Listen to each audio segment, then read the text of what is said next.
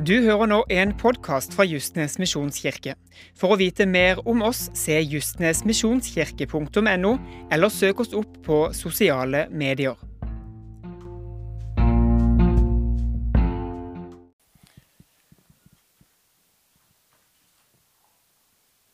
Så fint å se alle sammen. Det er så gøy når det er fullt hus her. At når noen kom litt mot slutten, her, så var det nesten ikke plass å sitte. Det syns jeg er så gøy. Så hjertelig velkommen til alle som er nye, som ikke jeg kjenner så godt. Så fint å hilse på dere i døra.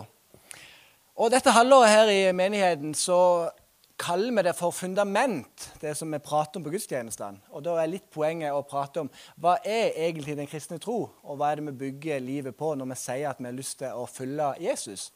Og I dag så skal jeg prate om det. Hva vil det si å følge Jesus? Og Før jeg begynner så må jeg bare fortelle en fantastisk historie som jeg hørte for ei uke siden. Jeg var på lunsj med en god kamerat av meg, og han hadde en kamerat som fortalte denne historien her at når denne kameraten hadde vært ungdom, han var 16-17 år gammel, så gikk han på ei idrettslinje. Og Da er du jo glad i idrett, og du har lyst til å trene hver dag, kanskje to ganger til dagen. for det er det det handler om når du går på idrettslinja. Og Det triste var jo at han skada seg under foten. Jeg vet ikke hva det hette det han fikk for noe, men han ble så vond under foten at han klarte så vidt å gå på denne foten. Og Han ba til Gud hver dag om at Gud skulle helbrede han, og Gud gjorde ingenting. Det gikk en måned, det gikk et halvt år, det gikk et år, jeg tror det gikk halvannet år, og det skjedde ikke noe. Han var ganske skuffa på Gud, skuffa på skolen og skuffa på livet generelt. For det var krevende. Og så er han plutselig på et møte. Og på dette møtet så står han bak i salen. Så synger de sånn som vi har gjort her nå. Og så opplever han bare at det er en stemmepinse som sier at eh, begynn å jogge hjem. Og Han ser rundt seg og tenker hva er det her for noe? Men det var ingen som sto på sida og sa noe til han, Men begynn å jogge hjem. Jeg tenkte nei, det er ikke så lurt, for det er jo så vondt. Jeg klarer så vidt å gå på denne foten, så skal jeg begynne å jogge hjem. Så kjenner han stemmen. Nei, Begynn å jogge hjem. Det var tre kilometer hjem fra menigheten til der han bodde. Så han begynner å jogge hjem på kvelden, for dette var på et ungdomsmøte. Klokka var kanskje 10-11. Han begynner å jogge hjem. Og når han har jogget 1,5 km, så skjer det noe enda rarere. At Da kjenner han stemmen på nytt på innsida, som jeg da tenker var Gud. Så sier Gud her dette. Ta av deg skoene og spring barbeint resten. Og Det var masse folk rundt der eh, som så på det her, men han gjorde det. Han tok av seg skoene, og så holdt han skoene i hendene, og så sprang han hjem. Og fra den dagen så var han 100% god i foten. Tenk på det. Det er ganske unikt. Det er ikke hver dag jeg opplever noe sånt. det kan jeg bare si. Nå har jeg ganske vondt i kneet for tida, og jeg er ikke blitt helbreda sjøl, men kanskje at jeg kan bli så heldig å bli det en dag. Men jeg ville bare dele det med dere, for jeg syns det er så fantastisk å høre alt det som Gud gjør. For Gud gjør mye rundt forbi. Og I dag så skal vi snakke om 'følg meg'. Og jeg kan si det at Når vi følger Jesus, da kan vi få lov til å oppleve ufattelig store ting. Jeg skal lese fra Markus kapittel 1, vers 16-20. Så står det En gang han gikk langs Galileasjøen, altså Jesus, fikk han se Simon og Andreas, bror til Simon. De holdt på å kaste not i sjøen, for de var fiskere. Jesus sa til dem, 'Kom og følg meg.' så vil jeg gjøre dere til menneskefiskere. Straks lot de garnet ligge og fulgte ham. Da han kom litt lenger fram, fikk han se Jakob, sønn av Sebudeus, og hans bror Johannes. De satt i båten og bøtte garn. Da kalte han dem, og de, og, og de forlot faren. Og de lot Sebedeus bli igjen i båten sammen med leiefolkene sine og fulgte ham.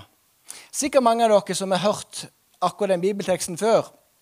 Og så er spørsmålet har du egentlig forstått hva det betyr, det som står der? Og jeg vil våge å si at det, det jeg skal dele nå i dag, det er veldig få av dere har hørt før. Kanskje dere aldri har hørt det. som Jeg skal dele nå. Jeg har hatt en åpenbaring sjøl den siste uka på akkurat det som skjer nå. Se for deg at du er Simon Peter. Du, er, du vet med deg sjøl at, at, du er fisker. Din far er vår fisker, din bestefar er vår fisker, sannsynligvis din oldefar er vår fisker. Du vet at livet er lina framfor deg, at du skal være fisker for alltid. Og Det går litt tydelig fram her at det er en ganske grei fiskebedrift som faren din driver, så du er heldig som får lov til å være med på dette, og en dag skal du overta. Sånn er livet ditt. Og plutselig en dag så kommer Jesus. Og mange har hørt om Jesus. Det er ikke sånn at Jesus bare kommer og så sier han 'følg meg', og så er det ingen som vet hvem han er. Nei, ryktene hadde gått om hvem Jesus var. Skulle vi prate om det med dagens begrep, så hadde vi sagt at Jesus hadde gått viralt. For det er et ord som vi hører. Så folk hadde sett ham på Snapchat og visste hvem denne fyren her var. Så kult var det rett og slett når Jesus kom. Og Så kommer Jesus og sier han det at Peter og Johannes, følg meg, vær sammen med meg. Og Det første de tenker, er følgende Hæ? Vil du, Jesus, være sammen med meg? Er det fakta at du har lyst? Du som er den store læreren, du som er den store rabbien. Og Jeg skal ta dere med på en vandring etterpå, så det blir veldig gøy. Bare gled dere. Jeg gleder meg iallfall.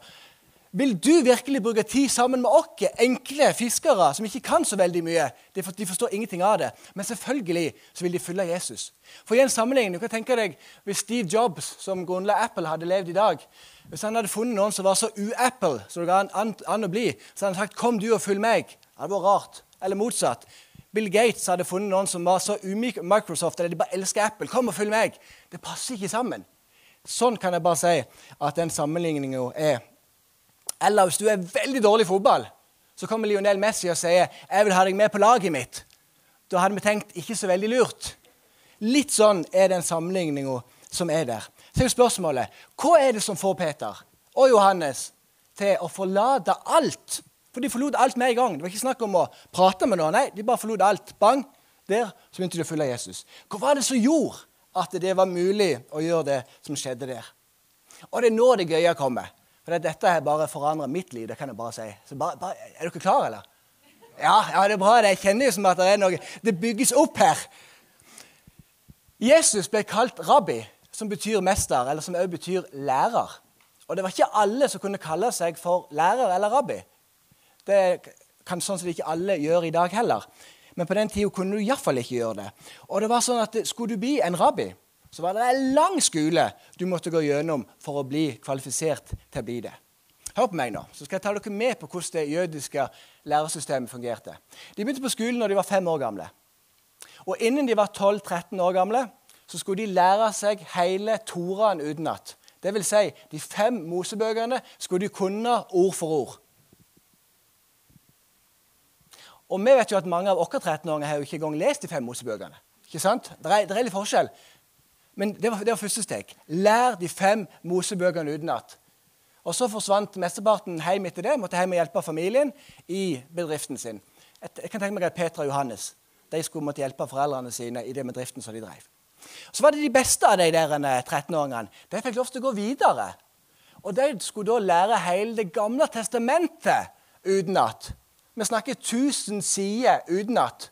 Det er helt vanvittig å tenke på. Og jeg har just lest tredje, tredje Mosebok, holder på med fjerde Mosebok. Jeg kan si, Det er mye vanskelig å huske der. Trust me, bare slå opp og begynne å lese. Det er mye vanskelig. Men da skulle de kunne hele Gammeltestamentet utenat. Og så var det sånn at de beste av de beste av de beste de fikk lov til å bli intervjua av en sånn en rabbi av en Jesus da, som kunne prate med dem. Og, ja, 'Hva kan du egentlig?' og 'Hva mener den teologen om det?' og 'Hva mener den om det?' ja, 'Hva tenker du om, om det synet på det?' og 'Hvordan lever du i relasjonen med Gud?' og 'Er du god nok? Er du hellig nok? Er du ren nok? Er du bevisst nok?' Det var et voldsomt system.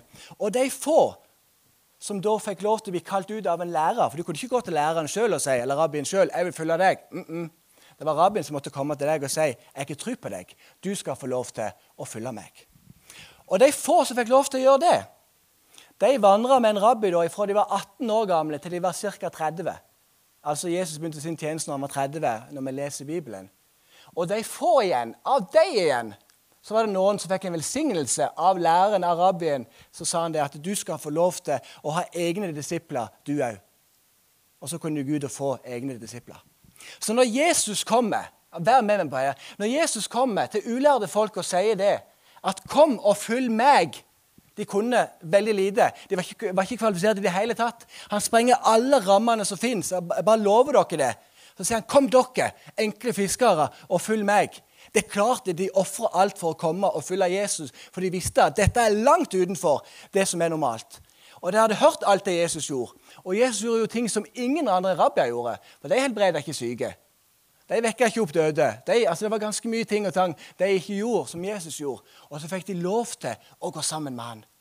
Så når Jesus sier til meg og deg 'Kom og følg meg', så sier han det at eh, alle de trinnene så de jødiske barna måtte gå gjennom, det trenger ikke meg å gjennom. For du er god nok akkurat sånn som du er, og Gud vil ha deg akkurat sånn som du er. Og Kan jeg få et lite amen her inne på akkurat det her?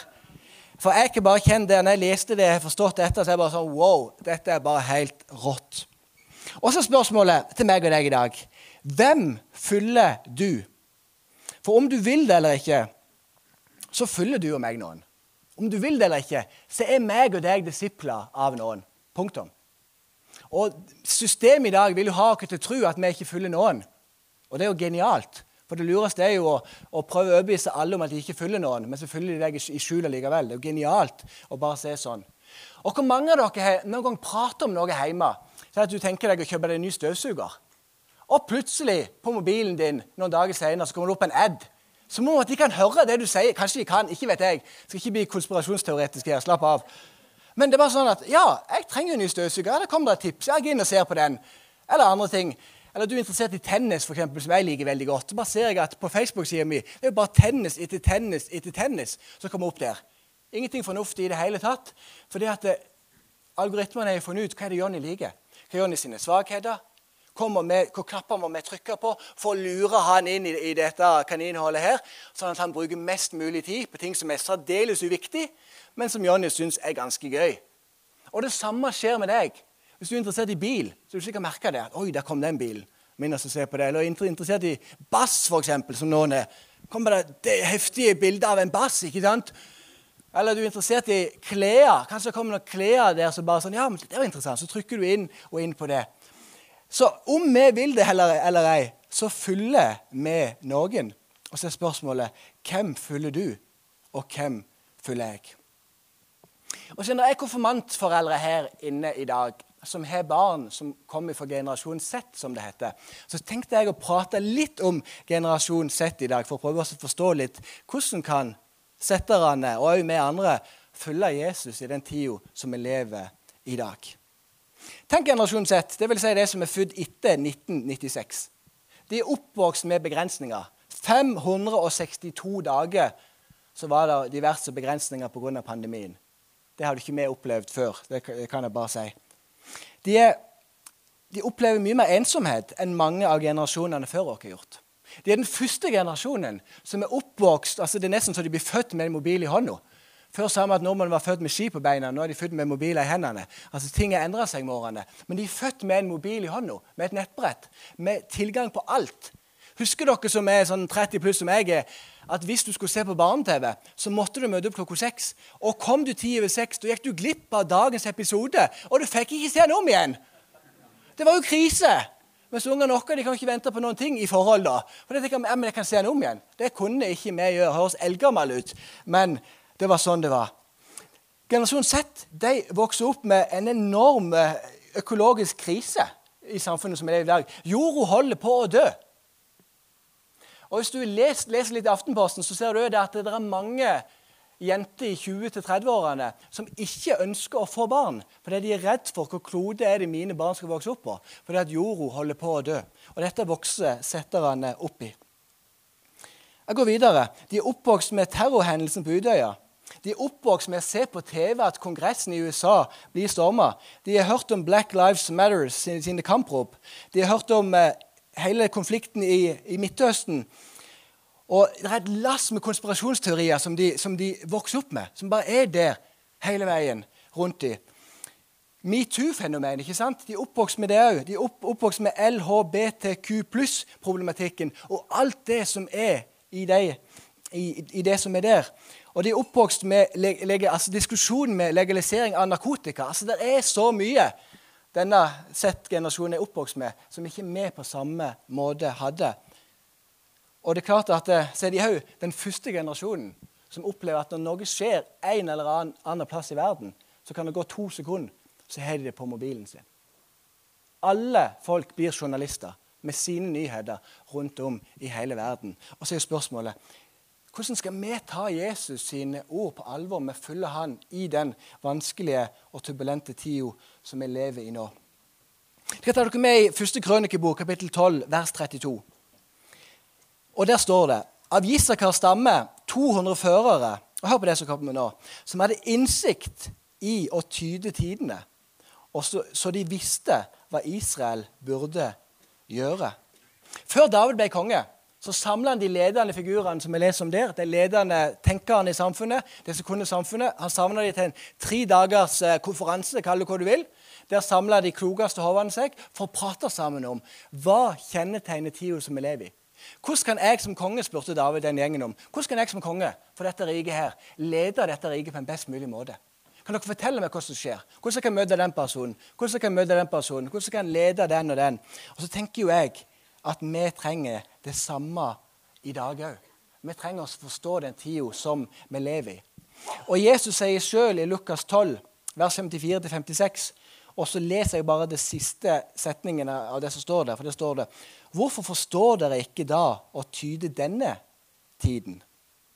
Så Jesus han ønsker at meg og deg skal i mye større grad forstå den tida og det samfunnet som vi lever i. Når Jesus kaller disiplene sine for 2000 år siden, så var det et helt annet samfunn enn det samfunnet som vi lever i dag. Det ser helt ulikt ut å følge Jesus nå i dag enn det det gjorde før. Og Nå skal jeg snakke litt om hva er det som kjennetegner. Og Nå må, nå må foreldrene se om dere kan kjenne dere igjen i deres barn. Kanskje du kan kjenne deg selv også. Og dette er det ikke Jonny som sier, dette er det ekspertene som sier. At Hva er det generasjon Z er kjent for? Og Hør på dette.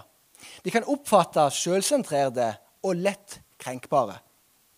Og vi som er for generasjon Y, altså meg, vi som er født fra 1980 til 1996, kan jo si det at når jeg kommer med min sarkasme i møte med generasjon Z, da blir det krise av og til. For Jeg sier noe bare på tøys, men, men så skjønner de det ikke. Fordi at de føler at de blir krenka. Og det må vi tenke på i møte med den generasjonen som er der. Det sies òg at de har lavere toleranse for andre sine meninger. De er oppdratt på en måte av sine foreldre som har gjort de bortskjemte. Og dette er det ikke jeg som sier, så ikke si det Jonny har sagt, for dette er ekspertene som sier. Videre de har en overdreven oppfatning av hvor unike og viktige de er, sies det om den generasjonen som er. De er blitt innprenta med at de kan bli alt det de vil, og at de alltid må følge hjertet sitt. De blir også kalt snøfnugg-generasjonen. Så er jo poenget med det da at alle snøfnugg er jo unike. Ingen er like. Og det tenker en om den generasjonen som er fra 1996 og utover. De er så unike og spesielle at de trenger særbehandling. Foreldrene krever at skolen skal tilpasse seg elevene. Ikke sånn som jeg vokste opp, der vi måtte tilpasse oss skolen. Der jeg hadde Ragne Marie når jeg gikk i 4. klasse. Hun var alene og hadde 30 elever. ikke sant? Hadde stålkontroll på oss. Da tilpasset vi oss hun. Mens i dag så er ting blitt litt annerledes. Foreldrene blir jo kalt curlingforeldre, noen som har hørt det begrepet før. Jeg bør være noen som har hørt det begrepet før. Og de har ikke satt grenser og motsagt barna sine så mye. Og de har vært overbeskyttende. Dere må se om dere kjenner dere igjen. Jeg skal ikke si noe på det. Og så er det en britisk forfatter som heter Claire Fox, som mener at dette har ført til den økende graden av psykisk syk ungdom. Fordi at de vet ikke helt om hvor går grensa her, eller burde jeg gjøre det, eller burde jeg gjøre det, eller Jeg har ikke tatt helt ansvar for, for, for det de har gjort feil, men har gjerne foreldrene gått inn og redda dem. ikke sant? Og da kan det skje en del ting, sier ekspertene. Litt til, så skal jeg gå videre for dette. Generasjon Z de har en uro over seg. Kan jeg se om noen foreldre kan gjenkjenne det? At de ikke alltid like gode til å sitte i ro. De sepper fra sted til sted. Og det er vanskelig å fange deres oppmerksomhet. Når jeg taler for ungdom, noe jeg gjør ganske mye, så bruker jeg nesten mer tid på å forberede mine 30 første sekunder enn jeg gjør på hele talen. Høres rart ut, men det er fakta. For jeg vet det, at hvis jeg får det i løpet av de 30 sekundene, hvis jeg har de, har de der, da har jeg de sannsynligvis resten. Men klarer jeg ikke å få de inn de 30 første sekundene, da har de røket. Og Jeg frustreres mange ganger som forkynner når jeg sitter i salen og jeg ser at folk skal ut og tale til ungdommer, så, så bare bommer de i starten med en gang. Så vet jeg at de får ikke med seg noen ting. For at du må være der. Du må fange dem med en eneste gang. Og det tror jeg dere foreldre kan kjenne dere igjen i. Det var lettere for meg å forkynne før enn det er nå. Du videre til neste film på YouTube og neste reel på TikTok. Og de er som limt fast til telefonen. Har dere tenkt noen ganger at er, denne, er, telefonen festa med superlim? Prøv å snu hånda nei, nei, han var jo ikke det. Altså Litt sånn. Og så er kanskje ikke vi Og så gjelder jo det, det er voksne òg. Altså. Vi må ikke tro at vi er noe, noe bedre. Men så er spørsmålet Tårer meg og deg også utfordre oss sjøl? For det er jo vi som går foran som gode eksempler. Og tårer vi å utfordre våre barn på at livet skjer ikke bare på telefonen. Men livet skjer i møte øye til øye. Livet skjer i møte med andre mennesker. Jeg talte på et ungdomsmøte. Det var ikke her i menigheten. det er ikke sånn her. Men er en annen menighet så var jeg på et ungdomsmøte og talte. Og når jeg, hadde, når jeg var ferdig med å tale på det møtet, det var ganske morsomt, så gikk jeg inn i kafeen. Og i kafeen, og nå lyver jeg ikke, jeg overdriver heller ikke, så satt nesten samtlige rundt uh, ulike bord. Det er veldig koselig å sitte rundt bord. Men nesten alle satt med telefonen oppe. Og et lass av ungdommene satt jo med AirPods i tillegg. Altså, satt en gjeng rundt bordet, alle hadde AirPods. Og så bare satt de der. De, de var jo sammen, men de var jo ikke sammen. Dere skjønner hva jeg mener? At det er jo litt forskjellige ting. Og da tenkte jeg med meg sjøl at, at hva, holder, hva, holder, på å skje? Hva holder på å skje med det eksperimentet som, som drives på alle de unge menneskene i dag, og på oss voksne òg? Der vi blir dratt inn i Norge som er kanskje ikke det som er det beste for oss. Så er spørsmålet hva er det som former oss, og hva former omgivelsene oss til? For meg i dag blir mye mer påvirka hver dag og hver uke enn vi vil innrømme. Punktum. Jeg merker iallfall det for min egen del at det gjør jeg. Hvem er dine forbilder? Og Hvis du kunne bytte liv med noen Tenk med deg sjøl, da. Hvis du kunne bytte liv med noen, hvem ville du ha bytta liv med? Du kunne være den eller den for, i ett år. Eller to dager eller et eller annet. Hvem ville du ha valgt da? Tenk litt på det. Og Hvis du kunne bli verdens beste i noe, hva hadde du valgt å bli verdens beste i? Kanskje verdens beste sanger, eller verdens beste i fotball, eller verdens beste i ja, innebandy Nei, kanskje ikke det, men altså en eller annen ting som du kunne blitt verdens beste i. Og så er det interessante at jeg tror ikke mange av dere her inne tenker at dere ville bytta liv med meg, f.eks. Var det noen som tenkte det? Nei, nei, det var ikke det. Det var ikke det. Og det er greit, tenker jeg. Men det interessante er jo at jeg tror ikke vi tenker at vi ville bytte liv med en eller annen kristen leder som opplevde veldig mye med Gud. Jeg tror ikke tanken slo oss engang. Jeg tror vi tenkte at, at, vi ville bli en berømt sanger, eller vi ville, ville bli en berømt tiktoker, eller vi ville bli en berømt en eller annen ting. Men det sier jo bare litt om fokuset vårt. Og hvor fort gjort det er å henge seg på alt det som skjer rundt dere. Når du da skulle følge etter en sånn etterfølger, en sånn lærer, en sånn rabbi som jeg delte med dere i stad, så var det tre ting som var viktige. Jeg skal bare nevne det litt sånn utunder. Og Det ene var det at du skulle, du skulle være sammen med din lærer hver eneste dag. 24 timer i døgnet. 24-7 var du sammen med læreren din. Det er ganske mye. Det var ikke sånn 8 4 så var vi sammen der. Nei, da var, da var, du sammen med denne læreren hele veien. Og den læreren han hadde ikke masse penger. Det var ikke sånn at du kom her og, og får tidenes CV og får masse penger. Nei, han hadde ingenting. De var avhengig av at folk rundt dem ville gi dem penger, sånn at de kunne overleve. Det var det livet du gikk inn i når du sa ja til dette. Så du skulle være sammen med din lærer. Det andre som skjedde, var at du skulle bli som din lærer. At når du hadde en lærer, hadde et forbilde, du hadde en du skulle være sammen med, så var ditt mål at du skulle bli mer og mer lik den personen du var sammen med. At det han mente om ulike ting, det skulle du mene. Måten han møtte andre mennesker på, sånn skulle du møte andre mennesker på. Måten han levde livet sitt på, sånn skulle du leve livet ditt på. Og Jesus sier jo det samme til oss i dag òg. Han sier, 'Kom og følg meg'. Kom og bli lik meg. Kom og bli forandra av meg. Ikke i din egen kraft, men kom og bli sånn som jeg har sagt at du skal være. Og det siste som skulle skje det når du var sammen med en rabbiner, rabbiner en lærer, det var det at du skulle, at du skulle i, i mye større grad òg ta det du hadde lært, og så skulle du gi det videre til noen andre. At det stoppa ikke med han og med deg, men da skulle du gi det videre til noen andre mennesker. Så når Peter ble utfordra Kom og følg meg så var det en sånn mulighet som bare kom én gang i livet. Han hadde ikke noe valg selvfølgelig med å følge Jesus. Det er jo han som er livet. Så leser vi i Matteus 7, så står det der i vers 28 og 29, jeg leser ikke hele verset, men det står at folket var slått av undring over det Jesus sa, og at han underviste som om at han hadde masse makt. Og I Lukas 4, 22 så leser vi at folk undra seg over Jesus sine nådefulle ord. Tenk på det så står det i Johannes 7, vers 46, at aldri har noen talt som denne mannen her før, sa de om Jesus. Var det noe Jesus kunne, så var det å prate framfor mennesker. Folk elska å komme og høre på Jesus fordi, fordi han prata på en måte som gjorde at de forsto det. Han var ydmyk, han var full av kraft. Han var litt annerledes. Og mot slutten her, så jeg, så jeg bare lyst til å stille det spørsmålet at eh, tar vi det som Jesus sier, og det at Jesus var lærer nok på alvor, jeg tenkt på den siste uka. Og det betyr får Jesus den æren han fortjener med tanke på hvor klok han egentlig var? Eller er det sånn at vi heller vil lære av Gandhi eller kong Salomo eller Buddha? for den saks skyld, At vi nesten tenker at de har mer å lære oss enn Jesus hadde. Så tenker jo jeg at for meg den klokeste personen som har levd, det er Jesus. Når jeg leser de fire evangeliene i Det nye testamentet, så tenker jeg at de leser jeg fordi jeg har lyst til å lære av Jesus. Og Jeg som leste ti selvhjelpsbøker i året og et lass med andre bøker i året, kan bare si det at det er ingenting som måler seg med det som Jesus sier. Og likevel blir jeg dratt imot en ny selvhjelpsbok hele veien. Men så må jeg hele veien bare bli dratt tilbake. Jo, men Jesus, du har jo, jo sagt det samme, bare på en litt annen måte enn det de har funnet ut, og enn det de har sagt, det som skjer der. Så du og meg, vi kan få lov til å følge Jesus i 2024.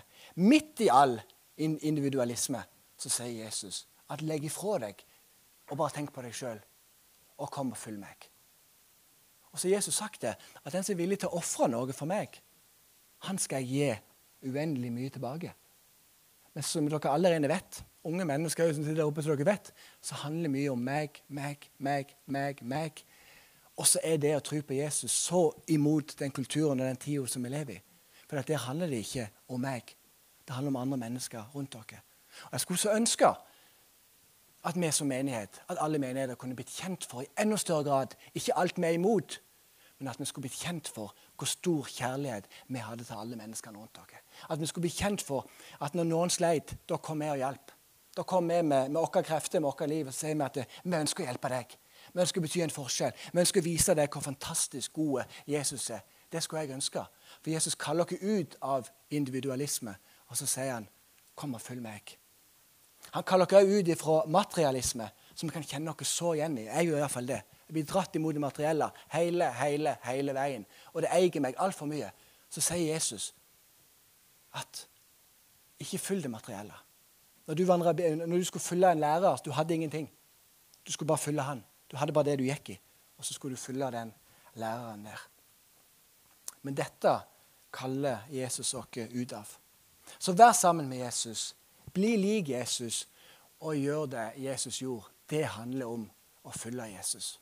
Så må vi huske det, kjære menighet, at det ser ulikt ut i mitt liv enn det gjør i ditt liv. Måten jeg følger Jesus på, er annerledes enn måten du følger Jesus på. Men det viktige er at du bare kan kjenne på innsida at, at, Jesus, du kan be den bønnen på morgenen. Jesus, her er jeg. Kan ikke du lede meg i dag, sånn at jeg kan få lov til å bety en forskjell for andre mennesker? Jeg kan bare si at Når jeg gjør det, så merker jeg at det er mye lettere for meg å bety en forskjell for andre mennesker. For jeg ikke kobler meg på det som Jesus holder på med. Det er ikke spørsmålet hva, gjør, hva skal jeg gjøre. Nei, Jesus, hva gjør du? Og kan jeg få lov til å være med på det som du holder på med? Og da kan vi bety en forskjell for menneskene som er rundt dere, med å følge Jesus. Så kjære mine, kan vi ikke ha en avtale på at vi, at vi, prøver å bli kjent for ikke alt vi er imot, men at vi, men at vi blir kjent for måten som vi elsker andre mennesker rundt dere. At de bare merker at her skjer det noe. For at Gud han er en fantastisk Gud. Og så skal jeg avslutte med en historie. Det kan være at jeg har delt den her før, men jeg må bare dele den, for jeg kjenner på hjertet mitt at jeg, at jeg skal gjøre det. Som mange av dere vet, så vokste jeg opp i en kristen familie med, der Jesus var veldig til stede. Der, der, der, det var ikke bare på søndager, men han var med hver eneste dag. Men så vokste jeg opp i en familie som ikke hadde så mye penger. Vi bodde ikke i et flott, svært hus, sånn som mine barn får lov til å bo i. Men vi hadde ja, vi hadde ikke så mye. Så Jeg pleier å si det til Olivia òg. Jeg sa det senest for noen dager siden. At da jeg var liten, da måtte jeg skjære prikkepålegg, eller nei, salamien, sier vi. Måtte skjære salamien Vi kaller det for prikkepålegg på hodet. Jeg måtte ta og skjære salami, salamien i to. Og så kunne vi ha et halv på hver skive. Mens min datter hun slenger på to på en gang. Så prøver jeg å forklare hvor heldig hun er i forhold til hvordan det var da jeg vokste opp. Og Dette er bare for å vise dere hvem Gud er, og hva som kan skje når vi følger Han. Jeg lover ikke at det som skjer, det som deler nå kommer til å skje med dere, men når vi legger livet noe i hans hender. Han sier 'kom og følg meg'. Så var det min mamma. Hun eh, satt hjemme en dag i en eh, meget slitt sofa. Og Mamma la jo putene rundt i hele sofaen, sånn at folk ikke skulle se at det var et hull der og der. Så er problemet da at når du skal sette deg i en sofa, så setter du ikke på puta. Du løfter jo opp puta, og så setter du deg ned. Og da ser du hullet mer enn noen gang når du setter deg ned. Og mamma hadde, men mamma og pappa hadde ikke råd til en ny sofa. for den, eh, Sånn var det bare. Så satt mamma en dag, og så så hun i en sånn en bohuskatalog. Så så hun en nydelig sofa, så så hun et bord, så så hun et teppe. Hun ba ikke Gud om noen ting.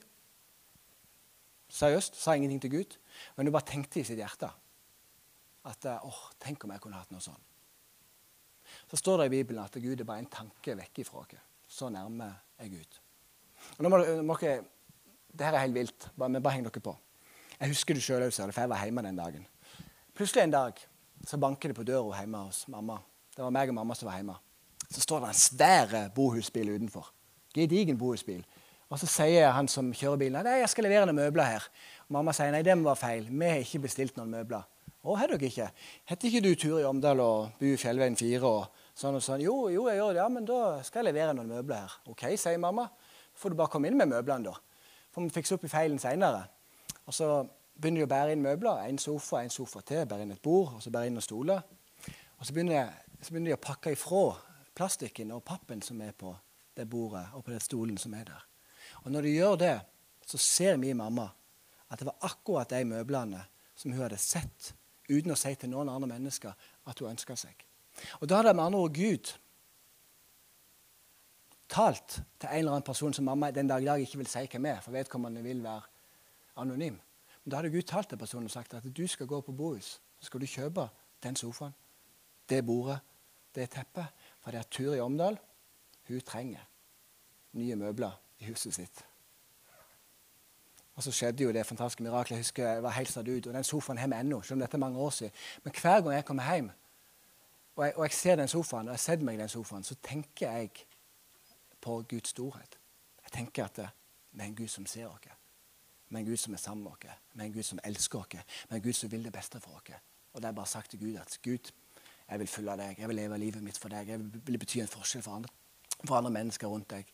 Og det kan du òg få lov til å bety. Så du kan få lov til å følge Jesus, og jeg kan få lov til å følge Jesus. Jeg skal be en bønn, så kan lovsangsteamet bare komme opp. Kjære Jesus, tusen, tusen takk for det at du er så fantastisk. Takker deg for det at du gjorde det enkelt for oss å følge deg. Vi trenger ikke å kunne hele Mosebøkene, hele Gamletestamentet, hele Nytestamentet for å følge deg. Nei, du har gjort det enkelt, sånn at alle mennesker skal få lov til å følge deg. Du er vår lærer, du er vår Gud, du er vår konge. Og jeg ber deg om, far, om at de som er inne, som ikke helt vet hvem du er, at de skal få lov til å se hvem du er, Jesus. Og De som er inne og kjenner på tvil, la de få lov til å kjenne at du er med i tvilen. De som er inne og kjenner på masse tro, la de få til å kjenne at du er med i troen. Og de som kjenner at det er midt på treet, la de få lov til å kjenne at du er med akkurat der de er nå i livet. Så våger jeg å be om Gud at det er noen mennesker her inne som har bedt om et mirakel gang på gang på gang. Jeg ber deg, Jesus, gi dem det mirakelet som de har bedt for. For at du er en Gud som gjør det umulige mulig. Amen.